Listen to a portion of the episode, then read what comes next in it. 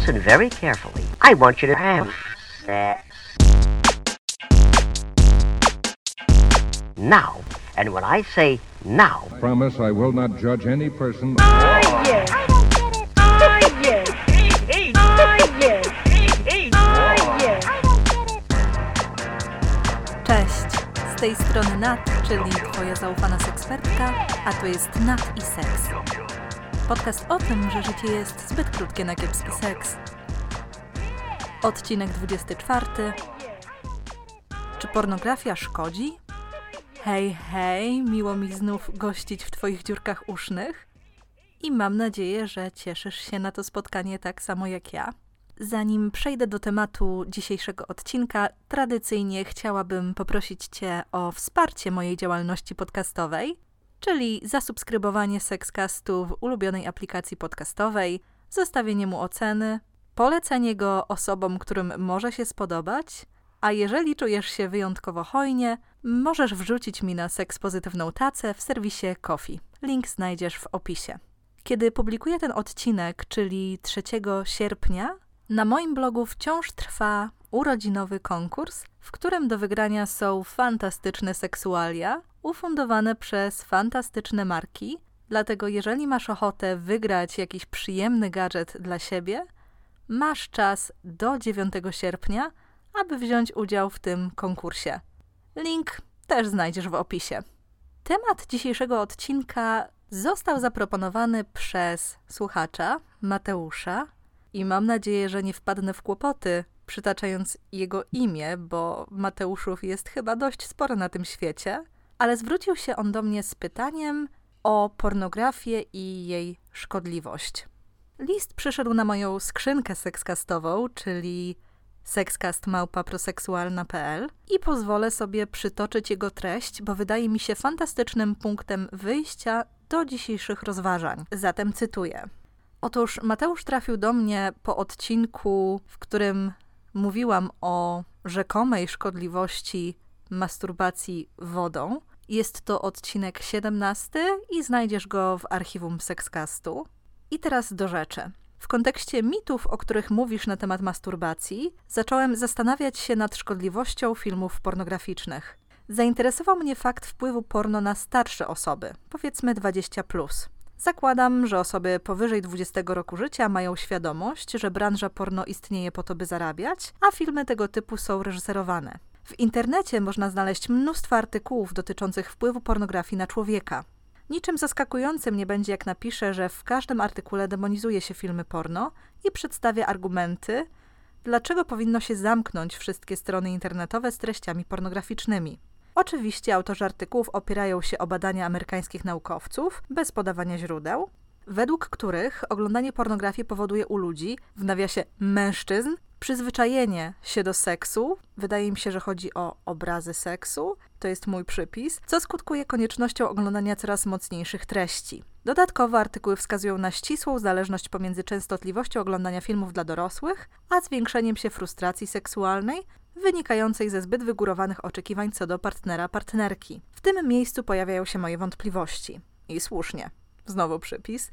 Dalej słuchacz przytacza swój przykład z życia, czyli to, jak sam konsumował pornografię i jak subiektywnie nie odczuwa żadnego wpływu, którą konsumowane treści mogły wywrzeć na jego życie erotyczne. No i przechodzi do pytania, czy filmy dla dorosłych są naprawdę takie złe?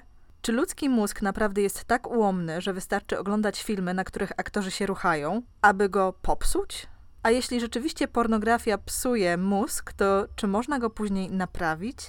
Spotkałem się również z argumentem, że teraz na filmach pornograficznych są pokazywane niedoścignione ideały piękna, duże piersi, potężne penisy, wąskie talie, natomiast kiedyś aktorzy byli bardziej w cudzysłowie naturalni. W takim wypadku nasuwa mi się pytanie, czy oglądanie filmów z normalnymi, też w cudzysłowie, ludźmi, którzy uprawiają w cudzysłowie grzeczny seks, już nie jest szkodliwe? I dalej Słuchacz pisze, że do napisania tego maila skłoniły go pewne stwierdzenia, które znalazł w portalach, które zajmują się uzależnieniami, no i też innego artykułu z mediów rozrywkowych. Przyznam, że ten temat jest w korespondencji poruszany dość często. Dość często dostaję pytania o pornografię i jej szkodliwość. Słuchacz w swojej wiadomości zadaje naprawdę bardzo rzeczowe pytania. Wydaje mi się też, że intuicja podpowiada mu, że filmy pornograficzne mogą być nie aż tak złe, jak je malują. Być może nie jestem najlepszą osobą, która powinna rozprawiać na temat szkodliwości lub nieszkodliwości pornografii, dlatego że sama jestem fanką i konsumentką tego typu treści i podchodzę do nich jako czegoś, co ma pozytywny wpływ na moje samopoczucie, seksualność czy relacje. Zdaję sobie jednak sprawę, że osoby z takimi inklinacjami jak moje mogą budzić, zresztą wydaje mi się, że słusznie, czujność, jeżeli chodzi o opinie na temat pornografii i jej konsumowania, tak samo jak czujność powinny budzić skrajnie negatywne postawy wobec erotycznie i seksualnie nacechowanych mediów. Sama staram się jednak, aby moja postawa wobec pornografii nie wpływała na to, jak kontaktuję się z ludźmi, pracując z ich seksualnością. Dlatego, że obecnie wiele osób ma problem, jeżeli chodzi o konsumowanie pornografii, powoduje to u nich jakieś cierpienie, ból, i ja absolutnie wierzę i uznaję to cierpienie i ten ból za prawdziwe, bo staram się spotkać z drugim człowiekiem na takim etapie i w takim momencie, w jakim obecnie się znajduję. Nie mogę negować czyichś negatywnych emocji związanych z pornografią tylko dlatego, że sama lubię tego typu media. Natomiast nie będę nikogo przekonywać, że jeżeli konsumowanie jakichś obrazów powoduje u niego negatywne samopoczucie i negatywne konsekwencje, że taka osoba powinna robić to częściej, bo skoro na jej dobre samopoczucie nie działa oglądanie pornografii, to może założyć, że jej nieoglądanie, nieobcowanie z tego typu obrazami działa i pozwala jej czuć się znacznie lepiej ze swoją ekspresją seksualną, z tym jak funkcjonuje w świecie. Ale pojawia się pytanie: skąd te wszystkie dowody na szkodliwość pornografii? Dlaczego jest tyle świadectw osób, którym oglądanie pornografii subiektywnie zaszkodziło a dlaczego tak mało jest głosów, które w jakiś sposób uregulowałyby nam te kwestie raz na zawsze? Wydaje mi się, że jest to bardzo dobrze postawione pytanie, bo każe nam zastanowić się, skąd biorą się te wszystkie, w cudzysłowie, amerykańskie badania amerykańskich naukowców udowadniające, że pornografia szkodzi. Musimy mieć świadomość, że Stany Zjednoczone Ameryki Północnej to ogromny kraj, którym lobby antypornograficzne ma się naprawdę świetnie. To Stany Zjednoczone są głównym źródłem, głównym eksporterem tego typu badań, tak samo jak planów leczenia wszelkich rozregulowanych zachowań seksualnych. O nich mówiłam w siódmym odcinku tego podcastu. I to tam w kręgach dość konserwatywnych, jeżeli chodzi o pojmowanie zarówno seksualności, jak i relacji międzyludzkich ma źródło wiele badań dotyczących właśnie szkodliwości pornografii. Nie bez powodu użyłam słowa lobby, dlatego że ludzie ci bardzo starają się, aby ich przekaz trafiał do mediów, podają go w sposób atrakcyjny, klikalny, zaś skojarzenie z jakąś instytucją badawczą w jakiś sposób legitymizuje wyniki różnych eksperymentów czy dociekań. Zauważono jednak, że postawa antypornograficzna i cały przemysł leczenia rozregulowanych zachowań seksualnych przynosi tak naprawdę więcej szkód niż pożytku, dlatego że programy prowadzone są tak, że powodują w ludziach jeszcze większe cierpienie, a czasem okazuje się, że rezygnacja z pornografii czy jakiejś innej części seksualności wcale nie przynosi ludziom ulgi. I mając na uwadze to, aby tego typu dociekania badawcze nie przynosiły więcej szkód, skrzyknęła się grupa naukowców, którzy, jak sami twierdzą, nie mają żadnych inklinacji, jeżeli chodzi o pornografię, ani nie są do niej negatywnie nastawieni, ani nie są fanami pornografii, są za to fanami rzetelności badań prowadzonych na ludziach I tak się złożyło, że zainteresowali się oni przemysłem pornograficznym i stworzyli stronę Real Your Brain on Porn. Podlinkuję ją w opisie tego odcinka, gdzie rozprawiają się z różnymi badaniami na temat pornografii. Niektóre badania próbują replikować, aby zobaczyć, czy w ich przypadku dojdą do takich samych wniosków, a także są taką biblioteką i bazą wiedzy, która łączy wszystkie badania przeprowadzone całkowicie etycznie i neutralnie, jeżeli chodzi o pornografię i jej wpływ na różne aspekty życia ludzkiego. Dlatego, że te badania na stronie pogrupowane są tematycznie, czyli pojawia się tam na przykład wpływ na osoby młodociane, pojawiają się badania, które szukają korelacji między konsumpcją pornografii a przemocą seksualną, czy wpływu pornografii na obraz własnego ciała i samopostrzeganie. Jest to bardzo interesująca, bardzo pokaźna biblioteka, dlatego zachęcam do zajrzenia, aby przekonać się, co tam się w ogóle dzieje. Przede wszystkim, co postulują ci naukowcy, to taką naszą wrażliwość, i wydaje mi się kierowane to głównie do osób, które zajmują się przytaczaniem badań, udostępnianiem ich, na przykład osoby pracujące w mediach, aby zachowały też pewną wrażliwość na to, gdzie prowadzone są badania, kto prowadzi takie badania, kto za nimi stoi i czy przypadkiem grupa badawcza nie została dobrana pod pewną tezę, aby ją udowodnić, i czy sami prowadzący nie mają pewnych inklinacji i własnej moralnej czkawki, jeżeli chodzi o kwestie pornografii i seksualności. Jedną z osób zrzeszonych z Real Your Brain on Porn jest dr Marty Klein, który jest autorem bardzo ważnej według mnie publikacji, w której prezentuje on właśnie takie podejście do pornografii, jakie przytoczyłam na początku tego sekskastu, czyli wierzę w ból ludzi, którzy doświadczają problemów z oglądaniem pornografii, Natomiast nie pozwala sobie na mówienie, że jest to praktyka, która kogoś zrujnuje na całe życie, czy nakłaniać tych cierpiących ludzi, aby unikali pewnych sytuacji, które mogłyby wyzwolić w nich potrzebę oglądania pornografii. Bardzo polecam tę książkę, dlatego że pozwala naprawdę zagłębić się w ten problem. Zresztą sama strona Real Your Brain Porn sprawiła, że sama uporządkowałam sobie pewną kwestię i byłam naprawdę zaskoczona, jeżeli chodzi o konsumowanie pornografii przez osoby poniżej 18 roku życia. Ale o tym za chwilę. Dlatego, że chciałabym odnieść się do tego, co w swoim mailu zaznaczył słuchacz, czy porno rzeczywiście tak negatywnie wpływa na mężczyzn. I to, czego dowiedziałam się z badań zgromadzonych na tej stronie, wydaje mi się dość interesującą kwestią.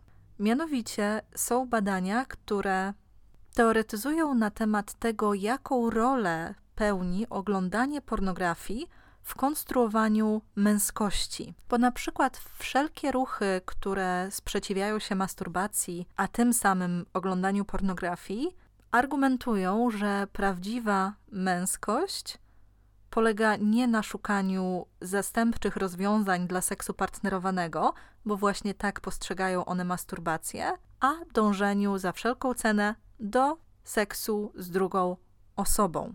Nie oglądanie pornografii konstruuje ich męskość, natomiast jeżeli przyjrzymy się szerszej kulturze, możemy uznać, że to oglądanie pornografii może być jednym z elementów konstruowania kulturowej męskości, czyli pornografia jako coś, co mężczyźni po prostu oglądają. Zresztą, jeżeli przyjrzymy się takim sytuacjom, często portretowanym e, w kinie czy serialach rozrywkowych, że mężczyźni twierdzą, że nie oglądają pornografii, aby przypodobać się kobietom, natomiast to ich nastawienie jest uznawane za kłamstwo, którego celem jest manipulowanie kobietą, drugą osobą, aby zdecydowała się na relację. Tego typu łączenie męskości z konsumowaniem pornografii bardzo często sprawia, że nie wierzymy, nie ufamy osobom, które funkcjonują w społeczeństwie jako mężczyźni, że nie interesują ich tego typu obrazy seksu, że nie mają ochoty ich konsumować, że nie czują jakiegoś pociągu do tego typu treści. I taki obraz konsumowania pornografii jako czegoś przynależnego płci męskiej może rzeczywiście mieć dość negatywny wpływ na osoby młode, na osoby w wieku nastoletnim, które na przykład nie chcąc odstawać od grupy, chcąc mieć pewne poczucie przynależności, będą decydowały się na oglądanie tego typu treści, wymienianie się tego typu treściami, po to, aby nie odstawać od reszty, niezależnie od tego, czy kontakt z tymi obrazami sprawia im przyjemność, czy nie. Zresztą, jeżeli chodzi o osoby młode, to na podstawie badań prowadzonych w Finlandii na nastolatkach okazało się, że jeżeli chodzi o konsumowanie pornografii, to w zasadzie procent osób zainteresowanych tego typu treściami, osób młodych, nie zmienia się tak naprawdę od lat i dostępność treści pornograficznych w internecie wcale nie wpłynęła na znaczne powiększenie się procenta młodych ludzi, którzy z pornografią się zetknęli. Badacze bazowali na tym, że gromadzenie materiałów nacechowanych pornograficznie lub erotycznie nie zwiększyło się znacznie na przestrzeni lat. Po prostu kiedyś te materiały były konsumowane w inny sposób. Na przykład młodzież gromadziła świerszczyki, później płyty DVD, wcześniej nieco kasety VHS i w ten sposób się wymieniała. Natomiast teraz jakby dostęp do tego typu treści jest rzeczywiście ułatwiony, ale mimo to zainteresowanie pornografią wcale nie rośnie jakoś znacząco. Chociaż stereotyp jest oczywiście taki, że młodzież nic tylko ogląda pornografię godzinami. Okazuje się, że młodzi ludzie dużo częściej godzinami oglądają seriale, YouTube'a, influencerów, aniżeli oglądają pornografię. Natomiast teoria jest taka, że zainteresowanie młodych osób treściami pornograficznymi może być jednym z wyrazów wysokiego libido, czyli wysokiego popędu seksualnego, co sama mogłabym stwierdzić na własnym przykładzie. Dlatego, że jako osoba młoda dość aktywnie poszukiwałam tego typu treści, a dziś określam się jako osoba o wysokim libido. Jasne, musimy przy tym pamiętać, że pornografia powstaje przede wszystkim dla osób dorosłych, czyli osób, które mają, i wydaje mi się, że to też zaznaczył słuchacz w swoim mailu, pewną umiejętność korzystania z mediów, z pornografii, tzw. Tak media literacy, które pozwala im umiejętnie oddzielić fantazję na temat seksu od seksu doświadczanego w rzeczywistości. Problemem jest jednak to, że bardzo często młodzi ludzie nie mają wyrobionej umiejętności korzystania z mediów, a ciekawość dotyczącą seksualności czy budowania relacji mogą chcieć zaspokajać właśnie sięgając po tego typu obrazy. Dlatego absolutnie nie jestem zwolenniczką tego, aby pornografia była edukacją seksualną dla kogokolwiek, natomiast elementem edukacji seksualnej zdecydowanie powinna być umiejętność korzystania z tego typu treści. Tylko właśnie bardzo często osoby dorosłe mają problem z tym, co widzą na ekranie. Bo spójrzmy na kino rozrywkowe. Branża pornograficzna często przedstawiana jest jako ta, która jest pełna nadużyć, przemocy itd. Tak ale jeśli spojrzymy na kino rozrywkowe, które za kulisami też jest pełne nadużyć, zdecydowanie rzadziej zdajemy się myśleć o tych aspektach niż w przypadku obrazów seksu i branży porno. Bo jeżeli spojrzymy na taką świadomość, że na planie filmu rozrywkowego działo się coś nie tak, doszło do jakichś nadużyć, to ta świadomość, ta pamięć zostaje z nami zdecydowanie krócej i wydaje mi się, że w znacznie mniejszym stopniu odbiera nam przyjemność oglądania filmów rozrywkowych, niż ma to miejsce w przypadku pornografii, dlatego że wiąże się ona z seksem i seksualnością, z którymi możemy mieć pewien moralny problem. Zresztą prowadzono na ten temat badania, których wyniki na dość dużej grupie osób wykazały, że osoby, dla których pornografia kłóci się z moralnością, doświadczają dużo większego wstydu związanego z seksualnością, a co za tym idzie, deklarują znacznie mniejszą satysfakcję seksualną, co zaś wpływa na jakość ich relacji. Natomiast tutaj pozwolę sobie na komentarz. Jest to jeden z tych przykładów, które udowadniają, że ludzie stawiają swoje doświadczenie w centrum, uznając, że skoro mi pornografia się nie podoba i jej konsumowanie przynosi mi jakieś trudności, to to samo musi dziać się w przypadku innych ludzi. Jeszcze raz podkreślę, nie uważam, że oglądanie pornografii na każdego człowieka będzie miało pozytywny wpływ. Co ciekawe, okazuje się, że oglądanie pornografii nie ma wpływu na poczucie seksualnego zainteresowania drugą osobą w związku, natomiast to, co ma wpływ, to właśnie fakt oddawania się tej wstydliwej i niemoralnej czynności, jaką jest oglądanie pornografii. A więc to nie pornografia jest tutaj tak naprawdę winna, tylko to, jakie mamy do niej podejście. Zresztą w argumentach przeciwko oglądaniu pornografii czy produkowaniu pornografii bardzo często pojawia się krytyka tego, jak przedstawiane są relacje między płciami, jeżeli chodzi o pornografię z parami heteroseksualnymi. Często mówi się o brutalności czy nawet agresji, teoretyzując, że oglądanie tego typu obrazów może wpływać na traktowanie w seksie realnym kobiet przez mężczyzn. Jest to dość niebezpieczna narracja, dlatego że zakłada, że prawdziwe kobiety w realnym życiu nie mogą lubić i czerpać satysfakcji z ostrego, konsensualnego seksu. Podkreślam konsensualnego, dlatego żeby nikt nie przyczepił się, że w sytuacjach, w których ktoś powtarza jakiś skrypt z pornografii, nie mając na to zgody drugiej osoby, to jest to w jakiś sposób usprawiedliwione. Zresztą, co ciekawe, badacze powtórzyli eksperyment dotyczący nastawienia mężczyzn oglądających pornografię, tak zwanych superfanów porno, i porównali ich nastawienie do kobiet i ról płciowych do nastawienia prezentowanego przez tak zwany ogół populacji.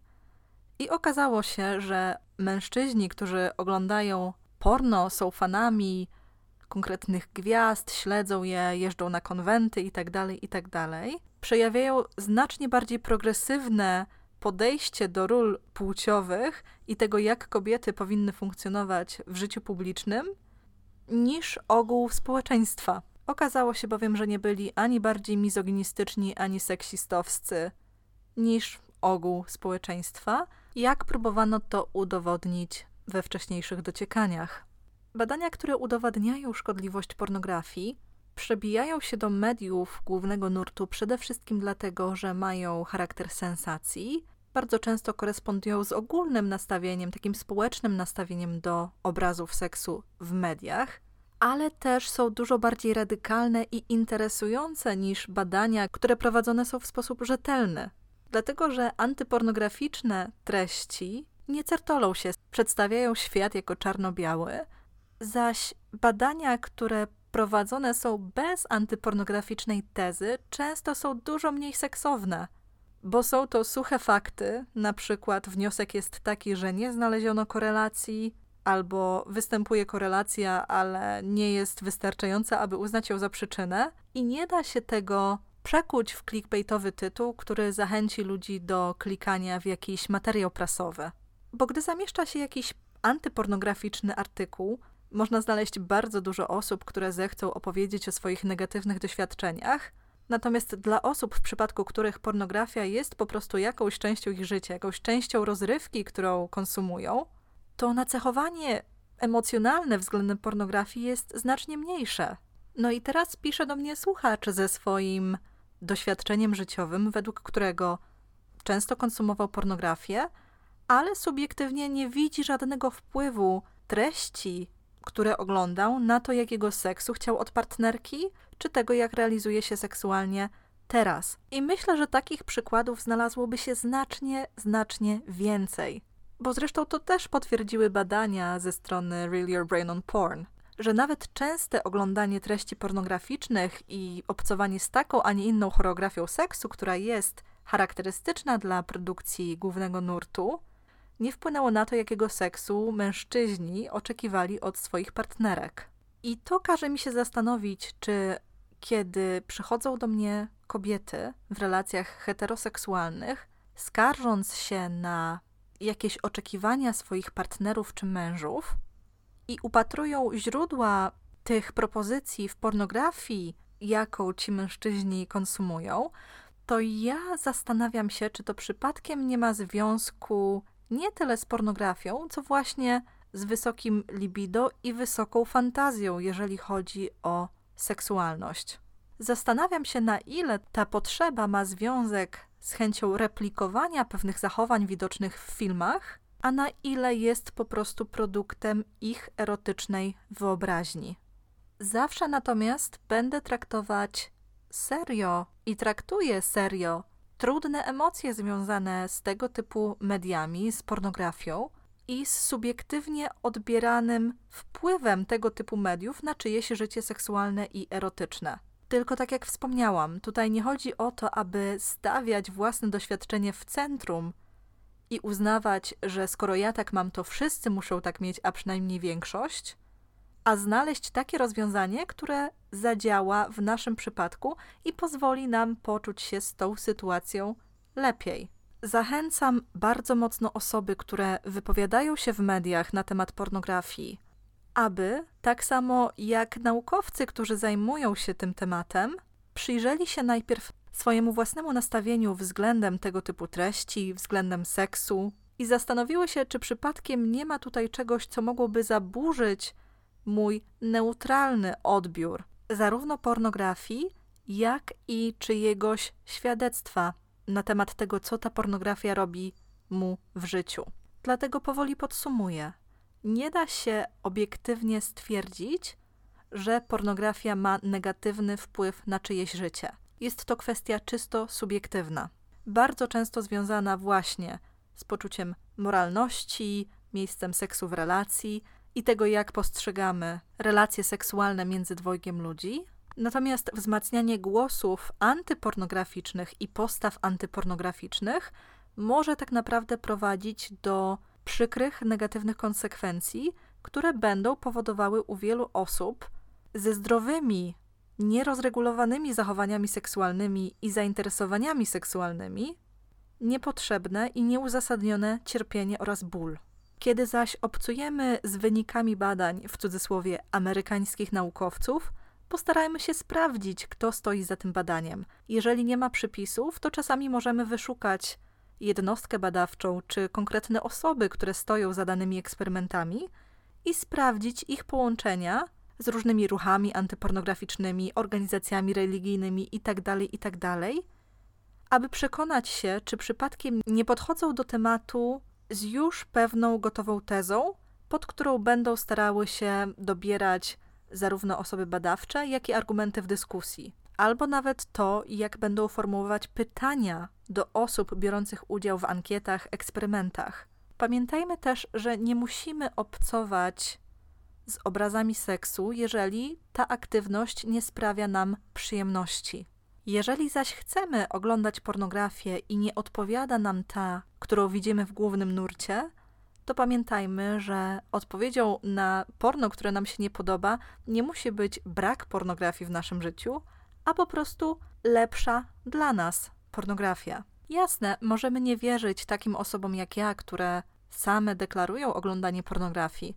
Możemy nie wierzyć osobom, które produkują lub występują w filmach pornograficznych, przykład Erice Last czy Stoi, kiedy mówią, że zjawisko uznawane za uzależnienie od pornografii tak naprawdę nie ma poparcia w konsensusie badawczym, natomiast warto wierzyć naukowcom, takim jak ci zorganizowani wokół Real Your Brain on Porn, dla których rozwalanie pewnych mitów narosłych wokół oglądania pornografii nie wiąże się ani z perspektywą zysku czy pewnego bronienia swojej branży, a której celem jest tak naprawdę chronić ludzi przed pseudonauką czy teoriami, które reprodukowane w takim natężeniu mogą rzeczywiście mieć długofalowe skutki w postaci niepotrzebnego, nieuzasadnionego cierpienia i bólu związanego z własną seksualnością, z własną ekspresją seksualną, która tak naprawdę nikomu obiektywnie nie szkodzi. A co do pytania, czy pornografia naprawdę uszkadza nasz mózg na zawsze? Cóż, nie bez powodu mówi się o naszej neuroplastyczności, czyli zdolności do odwracania pewnych zmian, uczenia się i tworzenia nowych połączeń i pewnego porządkowania, które dzieje się w naszej głowie. Dlatego nie, pornografia nie skazuje nas na zagładę, a z odpowiednią pomocą naprawdę możemy uporządkować swoją relację z tego typu treściami i też zyskać kontrolę nad tym, co, jak często i w jakich okolicznościach konsumujemy. Odsyłam jeszcze raz do jednego z wcześniejszych odcinków Sexcastu, czyli odcinku siódmego o seksoholizmie, bo tam szerzej wyjaśniam kwestie rozregulowanych zachowań seksualnych i tego, jaki jest na ich temat obecnie konsensus naukowy, badawczy. I jeżeli jest jakaś jedna rzecz, z którą chciałabym zostawić Cię tym odcinkiem, to właśnie zachęta do sprawdzania, weryfikowania źródeł i krytyczność względem przekazów dotyczących seksualności, które widzisz w mediach. Tymczasem dziękuję Ci za dzisiaj. Mam nadzieję, że choć po części udało mi się rozwiać pewne wątpliwości dotyczące pornografii, sama przygotowując się do tego odcinka, sporo się na ten temat nauczyłam i dowiedziałam. Dlatego też sama chętnie odeślę Cię do źródeł, w których grzebałam. Zajrzyj do opisu tego odcinka, a ja tymczasem życzę Ci wszystkiego seksownego. Mam nadzieję, że Twoje lato jest udane mimo wszelkich przeciwności i mam nadzieję do usłyszenia już wkrótce. Pa!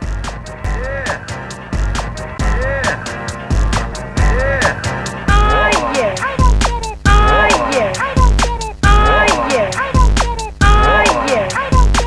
So, it's very important and very fun also to. Now,